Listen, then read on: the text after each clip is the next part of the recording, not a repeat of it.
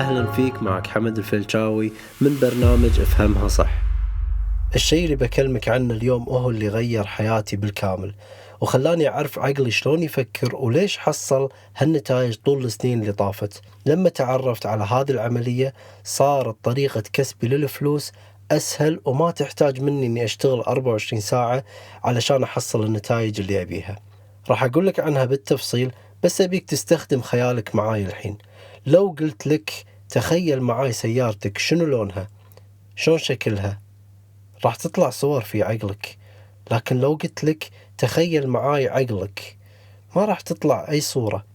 ما راح تطلع أي صورة واضحة عنه لأن ما حد علمنا شلون شكل هذا العقل.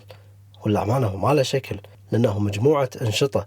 وهذا الشيء اللي بقول لك إياه اليوم العقل عشان تفهمه لازم تتخيله بصورة لأن البشر ما يتعرفون يتعاملون مع شيء ما شافوه. فأبي أشرح لك إياه علشان تتسهل عليك طريقة تحقيق أهدافك. خلوني أشرح لكم رسمة عجيبة. ارسم دائرة وحط فيها خط بالنص. وراح يكون النص الأول اللي فوق هو العقل الواعي وخلنا نكتب يمه أفكار. واللي تحت هو العقل اللاواعي اللي هو مشاعر.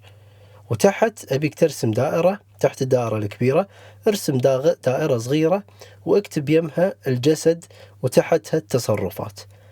وهذه خلونا نمثلها بالجسم. الحين أي هدف عندك؟ نفترض تبي توصل للحرية المالية. طبعا الهدف لازم يكون محدد نفس ما شرحت لك لكن خلينا نفترض أن الحرية المالية أبيك تلاحظ أفكارك عن الفلوس. هل هي صحيحة ولا لا؟ ولا فيها معتقدات سلبية عن الفلوس أو أن الناس الغنية نصابة ولا الفلوس وسخ دنيا ولا أنا ما أقدر أحصل فلوس مثل ما المعتقدات انتشرت عندنا. بعدها انتقل للمشاعر. شوف مشاعرك اتجاه الناس الثرية. هل تحس براحة وسعادة وتندمج مع طاقتهم؟ ولا كل ما تكلمت عنهم تنتقدهم أو تعبر عن مشاعرك بسلبية تجاههم؟ وبعدها لاحظ تصرفاتك. هل أنت قاعد تتصرف بطريقة شخص غني وتستثمر بنفسك؟ ولا تخاف تصرف وتدور على العروض والخصومات عشان تحصل على أقل سعر؟ عشان تكون غني لازم تكون حريص إن تكون هذه العملية من أفكارك ومشاعرك وتصرفاتك صحيحة عشان تحصل على النتائج اللي تبيها.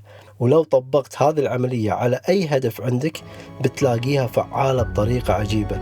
طبقها والتزم فيها وراح تعرف أن العملية الإبداعية أساسها ومصدرها عقلك. ومن خلالها راح تعرف تحصل على الثراء.